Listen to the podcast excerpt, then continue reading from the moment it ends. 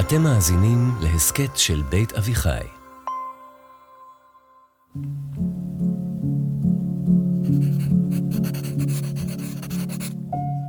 הציפורים שלי עזבוני לחלוטין. רק דרישת שלום קצרה ממרחקים קיבלתי אתמול מאת הירגזי הספירי, והדבר זעזעני עד עומק ליבי. חלפו שבועות ולא ראיתיו.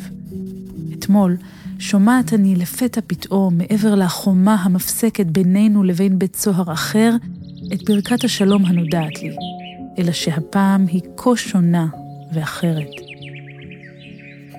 האמיני לי, סוניצ'קה, שקריאת ציפור אשר כזאת יכולה לנגוע בי עד מעמקי ישותי. עתה, אני עצמי הנני כשלמה המלך. אף אני מבינה שיחת עופות וחיות. שומעת אני את כל גוני הרגשות השונים אשר הם שמים בצליליהם. רק אוזן גסה של אדם שווה נפש אינה מבחינה בשירת הציפור, אלא דבר אחד תמיד. האוהב את בעלי החיים ומבינם, מוצא בהם רב גוניות עצומה של ביטוי. שפה שלמה. בשנת 1917 יושבת אישה כבת 40 בתא כלא קטן על אדמת גרמניה. בתא הזה היא כלואה כבר שנתיים, ומתוכו היא כותבת את המילים שהשמעתם עכשיו. היא לא משוררת, היא גם לא צפרית חובבת ולא מנחה סדנאות לחיבוק עצים. להפך, רוזה לוקסמבורג הייתה אישה קשוחה למדי. היא הייתה מהפכנית, קומוניסטית נחושה, והיא נשלחה לכלא כי התנגדה למלחמת העולם הראשונה.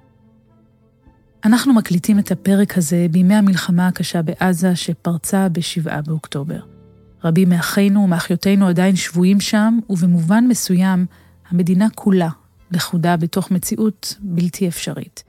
אז אנחנו מקווים שהעוצמה של רוזה לוקסמבורג, שקרנה גם מתוך חומות הכלא, כפי שעוד מעט תשמעו, תצליח להשיב קצת רוח למפרשים. אתם ואתן מאזינים לעל החתום, הסכת מבית אביחי, הפודקאסט שמוציא מהמעטפות מכתבים שכתבו אנשי ונשות רוח מההיסטוריה היהודית והישראלית. אני ליעד מודריק, ואנחנו מתחילים. רוזה לוקסמבורג, או כמו שרוב האנשים מכירים אותה, רוזה האדומה, זכתה לכינוי הזה בגלל הצבע האדום של הדגל הקומוניסטי שאותו היא נשאה רוב חייה. אבל כמו שהמכתב שאיתו פתחנו ממחיש, היא ממש לא הייתה אישה של צבע אחד, אלא דמות רבת פנים וגוונים. היא נולדה בפולין בשנת 1871 למשפחה יהודית, וגדלה והתחנכה בוורשה. בגיל חמש היא הייתה מרותקת למיטה במשך שנה שלמה בעקבות מחלה בירך. המחלה הזו השאירה אותה צולעת לתמיד, ולאורך חייה הבוגרים היא ניסתה להסתיר את הצליעה הזאת. היא גדלה להיות אישה כריזמטית, לא מאוד גבוהה, אבל כזו שמקפידה לאסוף את שערה למעלה, כך שיוסיף לה עוד כמה סנטימטרים. אחד הביוגרפים שלה כתב שאיש מעולם לא ראה אותה במצב של אי סדר, בין אם זה השכם בבוקר או מאוחר בלילה. כשהגיעה לגיל 18, בזמן שבו רוב הנשים בתקופתה סיימו את התיכון והתחילו לחפש עבודה, לוקסמבורג כבר הצליחה להרגיז מאוד את השלטונות עם האקטיביזם הסוציאליסטי שלה. היא קראה לשוויון כלכלי, שנאה קפיטליזם ובורגנות, ותמכה במאבק הפועלים ובדמוקרטיה. מספרים עליה שהייתה דעתנית מאוד, חסרת שקט, ושעוררה כבוד עוד לפני שפתחה את הפה. אבל כשכבר פתחה את הפה, הרעיונות הרדיקליים שלה עוררו לא רק כבוד, אלא גם כעס. בשלב מסוים אפילו היה חשש לחייה, והיא נאלצה לברוח מפולין, ארץ מולדתה, ולחפש מחסה בשוויץ, הנייטרלית. בציריך היא נרשמה לאוניברסיטה, למדה משפטים ומדע המדינה, והפכה לאחת הנשים הראשונות אי פעם שקיבלו דוקטורט בכלכלה כבר ב-1897, כשהפמיניזם עוד היה בחיתוליו. רוזה הייתה צריכה כאישה להיאבק כל הזמן על המקום שלה. זה ליאור טל, יוצר הפודקאסט קולות של רוח ומחבר הספר מה למעלה, מה למטה. אנחנו מדברים על מנהיגה פוליטית שלא יכולה להצביע לפרלמנט, כי אין זכות הצבעה לנשים. במפלגה שבה היא נמצאת, המפלגה הסוציאל-דמוקרטית, זה אחת המפלגות היחידות שפותחות את השערים שלהם לנשים, ועדיין יש בתוך המפלגה אה, הרבה אפליה. רוזה בתחילת המאה ה-20 נאבקת על זכות הצבעה לנשים, ונאבקת על שינוי רדיקלי במעמד של נשים. אבל היא לא עושה את זה כמו הסופרג'יסטיות, שהיא גם טיפה לועגת להן. כי היא אומרת, אותן נשים בורגניות, שהבן זוג שלהם מביא את הכסף הביתה, והן קצת עם הכסף הזה עושות איזה מאבק, אומרת, לא הן יביאו את הבשורה. יש לה מאמר שנקרא הפרולטרית, שבו היא פונה לפועלת הפשוטה, ואומרת לה, את, את זו שתעשה את השינוי, את זו שנמצאת שם עכשיו בחזית, ואני מזמינה אותך לבוא ולהיות מעורבת פוליטית יחד איתי, וביחד נעשה את השינוי הזה, מזכות הצבעה לנשים וזכות היבחרות לנשים, ועד לדברים הכי נפלאים שאפשר לחשוב עליהם, במהפכה הזאת ששינתה את המאה ה-20 ושינתה את העולם שלנו. אחרי תקופה בשוויץ, רוזה לוקסמבורג עברה לגרמניה. היא התחתנה עם בחור מקומי בשם גוסטב ליבק, אבל אהבה גדולה לא הייתה שם. האמת, נראה שהם התחתנו רק כדי שלוקסמבורג תוכל להשיג אזרחות גרמנית ולפעול כפוליטיקאית בברלין. אנחנו רואים פה דמות של מישהי שהיא אה, חורגת מעל הנסיבות ומצליחה להתעלות מעל אה, עובדות החיים, אה, מישהי שגדלה בגדול תחת דיכוי, כי אנחנו מדברים על אישה בתקופה הזאת, אנחנו מדברים על יהודייה, אנחנו מדברים על מישהי עם מגבלות פיזיות מגיל מאוד צעיר, ואנחנו מדברים על פולניה שגרה בשוויץ ואז עוברת לגור בגרמניה, ושם עושה את רוב הפעולה שלה, ככה שהיא גם זרה. ומתוך כל זה של האישה הלכאורה אמורה להיות זרה ומדוכאת ומתמודדת עם המון אתגרים בחיים, מתעלה דמות של מנהיגה אמיתית, אבל כשמדמיינים את המנהיגה, אז חשוב מאוד לדמיין לא רק את זו שצועקת בכיכרות ומובילה באסרטיביות, אלא אישה יוצאת דופן ומיוחדת עם חיבור שנדבר עליו כנראה בהמשך, חיבור נפלא לטבע, רגישות גדולה מאוד לסבל של כל יצור, בין אם זה יצור אנושי ובין אם זה יצור לא אנושי, יכולת גדולה לשאוב השראה ואהבה וכוחות מכל מה שנמצא סביבה. ובה בזמן מי שנאבקת מול העולם ומי שיודעת לחבק את העולם ולקבל אותו. ב-1905 היא חזרה לוורשה, נעצרה שם בעקבות פעילות קומוניסטית מחתרתית, ושוחררה אחרי שחבריה שיחדו כמה קצינים. ב-1916 היא נעצרה שוב, מכיוון שהתנגדה בפומבי למלחמת העולם הראשונה, וניבאה שבעקבותיה יבוא משבר שלא היה כמוהו בהיסטוריה, לא פחות.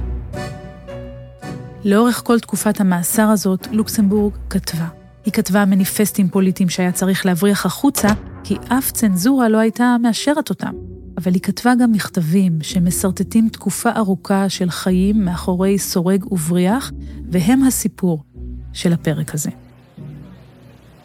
הרבה מהמכתבים האלה נשלחו לחברת נפש של לוקסמבורג, סופי ליבקנכט, שאותה היא כינתה סוניצ'קה. לוקסמבורג כתבה בגרמנית, ומי שבהמשך קראה את המכתבים בשפת המקור והחליטה לתרגם אותם לעברית, היא לא אחרת מאשר המשוררת לאה גולדברג. תרגומי המכתבים נכרכו בספר צנום ושמו מכתבים מבית הסוהר. למרות הטון האינטימי שבו לוקסמבורג פונה אל סוניצ'קה, תפיסת העולם הערכית והפוליטית שלה נמצאת שם כל הזמן, וממחישה שהאישי היה גם הפוליטי כבר בתחילת המאה ה-20. המילים שלה מציירות אשת ברזל, לוחמת צדק שלא סבלה זיוף. אחרי ששמעה על מותו של חבר קרוב בשם האנס במלחמת העולם הראשונה, לוקסמבורג כתבה לסופי. הנה הלך ואיננו עוד. שני מכתביי האחרונים כבר נכתבו לאיש מת. האחד כבר הוחזר לי. עדיין אין בכוחי להשיג את הדבר. אך מוטב שלא נדבר על כך. דברים כאלה בוחרת אני לגמור עם נפשי. אם מבקשים להכינני מתוך זהירות שברחמים לקראת הרעה שבבשורות, או לנחמני על ידי קינות, הרי זה מרגיזני עד מאוד. איך קרה הדבר שהטובים בידידיי כה ממעטים להכירני, כה מפחיתים את ערכי עד כי אינם מבינים? הדרך הטובה והעדינה ביותר במקרים כאלה היא לבוא ולומר לי במהרה בקיצור ובפשטות את שתי המילים. הוא מת. התדעי, סוניצ'קה, ככל שהימים רבים והולכים, וככל שדברי השפלות והזוועה הללו שהיו למעשים בכל יום עוברים כל גבול, כן גוברים והולכים שלוותי וביטחוני. כשם שאין לבוא בקנה מידה מוסרי אל האלמנט, אל רוח זלעפות, שיטפון, ליקוי חמה, אלא יש לראותם כמשהו העומד וקיים, ואינו אלא עניין לחקירה ולהכרה. לוקסמבורג העבירה את רוב ימיה במאבק על מה שהיה בעיניה הצודק, הראוי והנכון מוסרית, אבל מה שעולה באופן בולט ונדיר מהמכתבים שלה, הוא המתח שבין מאבק לבין השלמה. מבט של חוכמת זן עתיקה, שרואה רחוק ושקוף, שמקבלת את הסבל והכאב שבעולם כעובדה קיימת.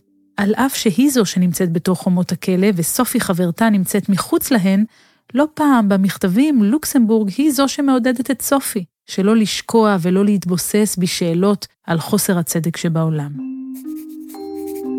שואלת את בגלויתך, מדוע כל זה כך? תינוקת, נוזפת לוקסמבורג בסופי. כך הם החיים מאז ומעולם, והכל שותפים לאותו כך. סבל, פרידה וגעגועים, חייבים אנו לקבלם ולמצוא את הכל טוב ויפה. אני על כל פנים עושה כך, לא מתוך תבונה שבהתחכמות יתרה, אלא פשוט מטבע בריאתי. יודעת אני בחוש כי זוהי הדרך האחת והנכונה להתייחס לחיים, ולפיכך הנני מרגישה את עצמי מאושרת בכל מצב שהוא. אף לא הייתי רוצה למחוק דבר מחיי, אף לא הייתי רוצה שיהיה דבר שונה מכפי שהיה. אז אולי האמירה אין לי טענות היא מין הגזמה כזו, שכשעכשיו שהיא בשעה של אבל והיא מנסה אה, לנחם את עצמה. זה שוב ליאור טל.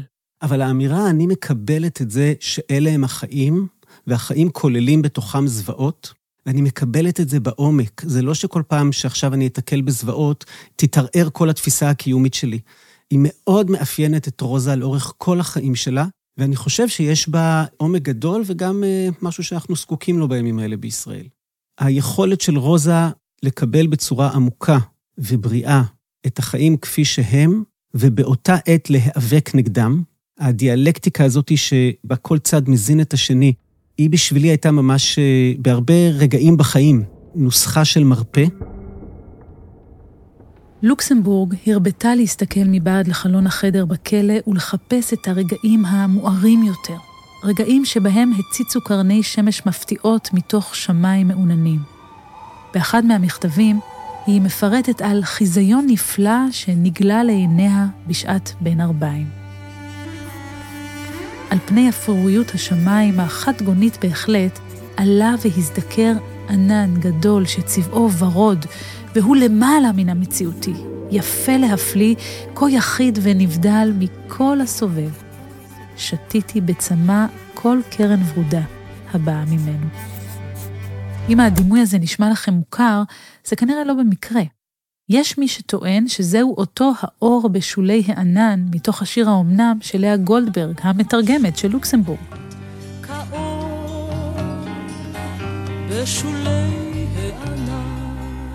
גולדברג כתבה על האור שבשולי הענן עשרים ומשהו שנים אחרי שלוקסמבורג כתבה עליו, ובמשפט הזה התלכד לרגע המבט של שתי אנשים שהכירו היטב את הדרכים שסמרו מאימה ומדם.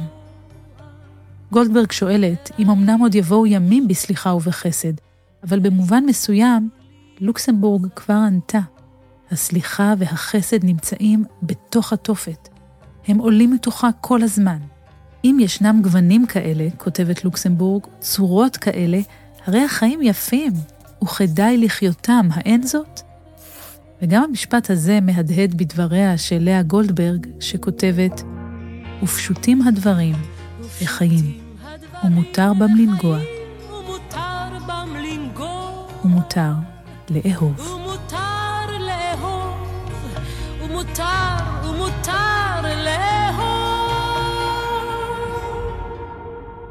לאה גולדברג לא הייתה מהפכנית מרקסיסטית, אבל היא כן גדלה, גם היא, בבית יהודי אירופאי סוציאליסטי, שהיה בו איזה לעג לבורגנות. בכתבים ובשירה של לאה גולדברג אנחנו מוצאים הומניזם מאוד דומה לזה של רוזה. זה בא לידי ביטוי בעיקר בשני דברים, היחס לטבע של לאה גולדברג שמאוד מזכיר את היחס לטבע של רוזה, וההתנגדות החריפה שלה למלחמות בתור מוצא הגיוני לסכסוכי האדם. ללאה גולדברג יש אה, מאמר מתחילת מלחמת העולם השנייה, ממש מהימים הראשונים, שבו היא כותבת נגד עצם ההליכה בדרך המלחמה כדרך לפתור אה, דברים, ועל כך שמשוררת נאמנה תישאר גם בשעת מלחמה נאמנה על הדברים הפשוטים והיפים של העולם, כי מתוק האור וטוב לעיניים, היא מצטטת שם. אה, וזה מאוד מזכיר אה, מאמרים של רוזה מתחילת מלחמת העולם הראשונה. כך שיש איזה, איזה רקע שמאפשר את החיבור הזה. את השיר האומנם, לאה גולדברג כתבה ככל הנראה זמן קצר אחרי שהיא סיימה את המלאכה של תרגום המכתבים, לפי הזמנים שכל אחד מהם יצא לאור. והדימוי המרכזי שחוזר כל הזמן במכתבים של רוזה, שהיא מספרת על איך היא הולכת בשדה, ומה היא רואה בשדה, ונזכרת עם סוניה, ואת זוכרת שהיינו יחד בשדה, הוא הדימוי המרכזי שלאה גולדברג בחרה לשיר, של הליכה בשדה, של אישה שהולכת בשדה. בשני מכתבים של רוזה מופיעה התבוננות בשמיים, ובאחד מהם יש את הדימוי שהיא רואה את האור מאחורי הענן, שהפך להיות בשיר האור בשולי הענן, ככה שזה כבר ממש לקחת דימוי מתוך המכתב ולהעתיק אותו אל תוך השיר. שוכבת אני כאן, תיארה רוזה לוקסמבורג, בתוך סביבותיי שפוכה כתמיד דממה של בית עלמין. והנני בעיניי כשוכבת בקבר. בעד החלון מצטיירת על גבי התקרה בבואת הפנס, הדולק כל הלילה מול בית הסוהר. פעם בפעם שומעת אני סמוך סמוך אל החלונות קעקוע של הזקיף, הצועד לאיתו כמה צעדים במגפיו הכבדים, כדי להניע את רגליו ששותקו. החול שורק מתחת למצעדים האלה במין אפס תקווה כזה, עד כי עולה מהם כל שיממת החיים, וכל האין מוצא שבהם מצלצל בתחב האפלה של הלילה. הנה שוכבת אני, בודדה ודמומה, עטויה רדידים שחורים רבים אלה, ועם כל אלה הולם ליבי משמחה פנימית לא נודעת, שאין להבינה כלל, כאילו הייתי מהלכת על פני כרים מלבלבים בקרניה הזוהרות של השמש. ואני מבקשת פשר לשמחה זו, ואינני מוצאת דבר. חושבת אני כי סוד זה אינו אלא החיים עצמם. כה יפה תיטיבי להתבונן בה, וגם מחריקת החול מתחת למצעדיו האיטיים הכבדים של הזקיף, עולה ניגון קטן ויפה. שיר החיים, למי שיודע להאזין. לוקסמבורג הייתה מנהיגה בולטת, אבל צריך לומר, גם שנויה במחלוקת. כשחבריה למפלגה הסוציאליסטית בברלין החליטו לתמוך ביציאה למלחמת העולם הראשונה, היא סירבה להצביע בעד וטענה שהם משתפים פעולה עם תאוות הכוח הקפיטליסטית. גם לחברים המרקסיסטים שלה היא אמרה בדיוק מה היא חושבת על דרכי הפעולה שלהם. שלא כמו רבים מהם, היא לא רצתה מחאה אלימה, לא להפוך בקבוקים לפצצות, לא להרוס תחנות רכבת ולא לשרוף קשרים. לוקסמבורג חלמה על מהפכה מסוג אחר, מהפכה תרבותית, שכלי הנשק העיקרי שלה הוא שביתות פועלים. בלי אש, בלי אבק שרפה, בלי שפיכות דמים. היא התנגדה לאלימות מכל סוג, בין אם היא הופנתה כלפי אדם או כלפי תאו. אך סוניצ'קה, כאב עז עברני כאן, היא כתבה לחברתה סופי. לפני כמה ימים באה עגלה רתומה לתאואים תחת סוסים. בפעם הראשונה ראיתי את הבהמות הללו מקרוב. הם חסונים ורחבי גרם יותר מן השברים שלנו, ראשיהם שטוחים, קרניהם שטוחות, ועיניהם גדולות ורקות. לפני ימים באה עגלה טעונה כל מיני שקים, הערימה הייתה גבוהה כל כך שהתאואים לא יכלו לעבור את השער. החייל המלווה, בחור גס, החל להכות את הבהמות בקצה המגלב שלו, בכוח כזה, עד כי פנתה אליו המשגיחה ושאלה אם אין בליבו קצת רחמים על הבהמות הללו. גם עלינו, בני האדם, אין מרחם, השיב הלה בחיוך מרושע והיכה ביתר עוז. הבהמות משו סוף סוף ממקומן, משכו את העגלה ועלו ההרה, אך אחת מהן הייתה שותתת דם. סוניצ'קה, עוביו וחוסנו של אור התאו היה למשל בפי הבריות, והנה נקרא גם הוא. אחר כך, בשעת הפריקה, עמדו הבהמות בלי נוע ובאפס אונים, ואחת מהן, זו שדמה היה שוטט, הביטה נכחה, ובראשה השחור ועיניה הרכות, דמתה לתינוק אחרי בחייה. הייתה זו ממש ארשת פניו של ילד שנענש ואינו יודע מה ולמה, ואינו יודע כיצד יימלט מייסורים ומעריצות. עמדתי לפני התיאור, והוא התבונן בי. עיניי זלגו דמעות. דמעותיו שלו היו הדמעות הללו. גם למראה סבלו של אח אהוב לא יחרד אדם יותר משנחרדתי אני למראה הסבל הזה, וקוצר ידי להושיע. הוי תאוי העלוב, אחי המסכן, הנה אנו עומדים כאן שנינו באפס כוח, בטמטום, ואין אנו אלא מכאוב, ואין אונים וגעגועים. מתוך המכתב הזה אפשר להבין שרוזה האדומה הייתה גם ירוקה מאוד. בעיניה כל המאבקים קשורים אחד לשני. כל מצב שבו רוב שולט על מיעוט באמצעות כוח והפחדה הוא מצב בזוי, גם אם הרוב הוא האנושות והמיעוט הוא תאו. לוקסמבורג מסתכלת על המין האנושי ועל החיות ומצליחה לראות את השורש המשותף להם, עד כדי כך שהיא קוראת לתאו אחי המסכן. אהבת אדם וטבע פשוטה וגולמית מפעמת בה כל הזמן. רוזה, וזה אולי הדבר בשבילי באופן אישי שלמדתי ממנה הכי הרבה, הרגישות העצומה שיש לה, היכולת הזאת של חיבור לטבע, ההבנה העמוקה של שפת האדם ושל שפת החיה, ולהתגעגע לחתולה שלה כמו שהיא מתגעגעת לחברה שלה, האזורים האלה הם לא הפוכים לאזורים של אותה רוזה הנאבקת ונלחמת, אלא הם, יש פה איזה מין תהליך דיאלקטי, הם מזינים אחד את השני. אני מדמיין שהרגישות הגדולה של רוזה לכל הדברים האלה מזינה, נותנת לה את הכוחות לצאת למאבקים שאליהם היא יוצאת. ובמאבקים שבהם היא יוצאת, היא נהיית עוד יותר רגישה לסבל, ועוד יותר רואה את כל מה שרע ופגום, ואז היא מקבלת, זאת אומרת, יש פה הזנה הדדית כזאת, ובלי הדיאלקטיקה הזאת, בין המאבק לבין הקבלה, קשה להבין את רוזה. רוזה הייתה באמת ובתמים נפגשת עם הציפור ועם הפרפר, עם התאו ועם השמיים, מתוך מקום שרואה את הייחודיות שלהם עכשיו, ברגע הזה, ומצליח לייצר איתם קשר. ובאחד המכתבים היא כותבת על ברית שיש לה עם אחד הציפורים. היא מצליחה לייצר איתה ברית. ומתוך החיבור העמוק הזה לטבע, שלפעמים הוא קשה, לפעמים היא רואה חיפושית שנמלים אוכלות אותה, זה לא תמיד אה, תענוג, אבל בתוך החיבור הזה היא מוצאת את הכוחות להתחבר אל תוך עומק החיים, והיא גם מספרת בגילוי לב לחברה שלה, תקשיבי, אני מרגישה הרבה יותר בבית, בפארק בין החיות, מאשר אה, במפלגה עם כל העסקנים. אבל האהבה של לוקסמבורג לטבע לא הסתכמה רק ברגש רומנטי פשוט, אלא גם בהבנה רחבה יותר שקשורה לתפיסת העולם המרקסיסטית. כמו מרקס לפניה, לוקסמבורג הבינה את המחירים שיש לתעשייה אגרסיבית שמזהמת את הסביבה, וגם את העובדה שיש גבול למשאבי הטבע.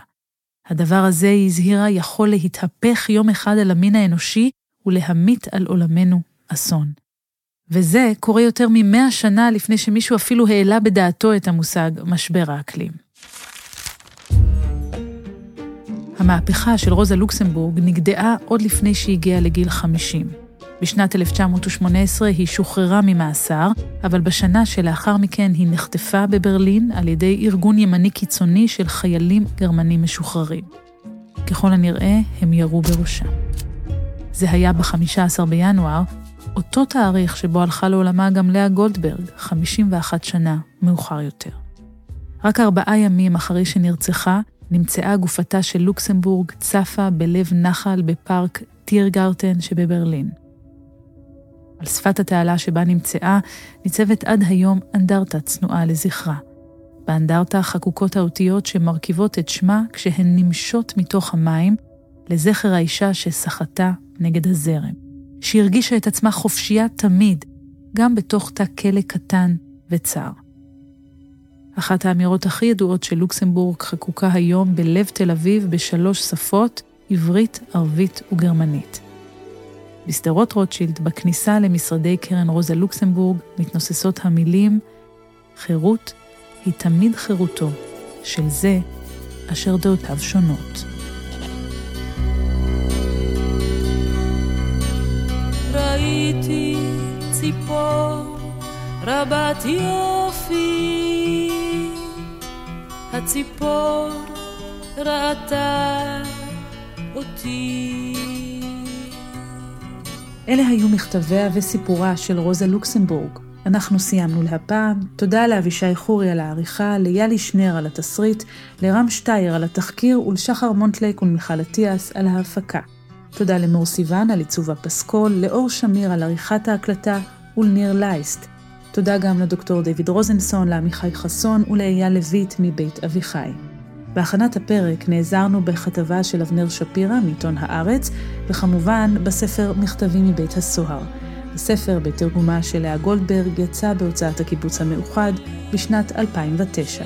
פרקים נוספים של עלי חתום מחכים לכם באתר בית אביחי ובכל יישומני ההסכתים.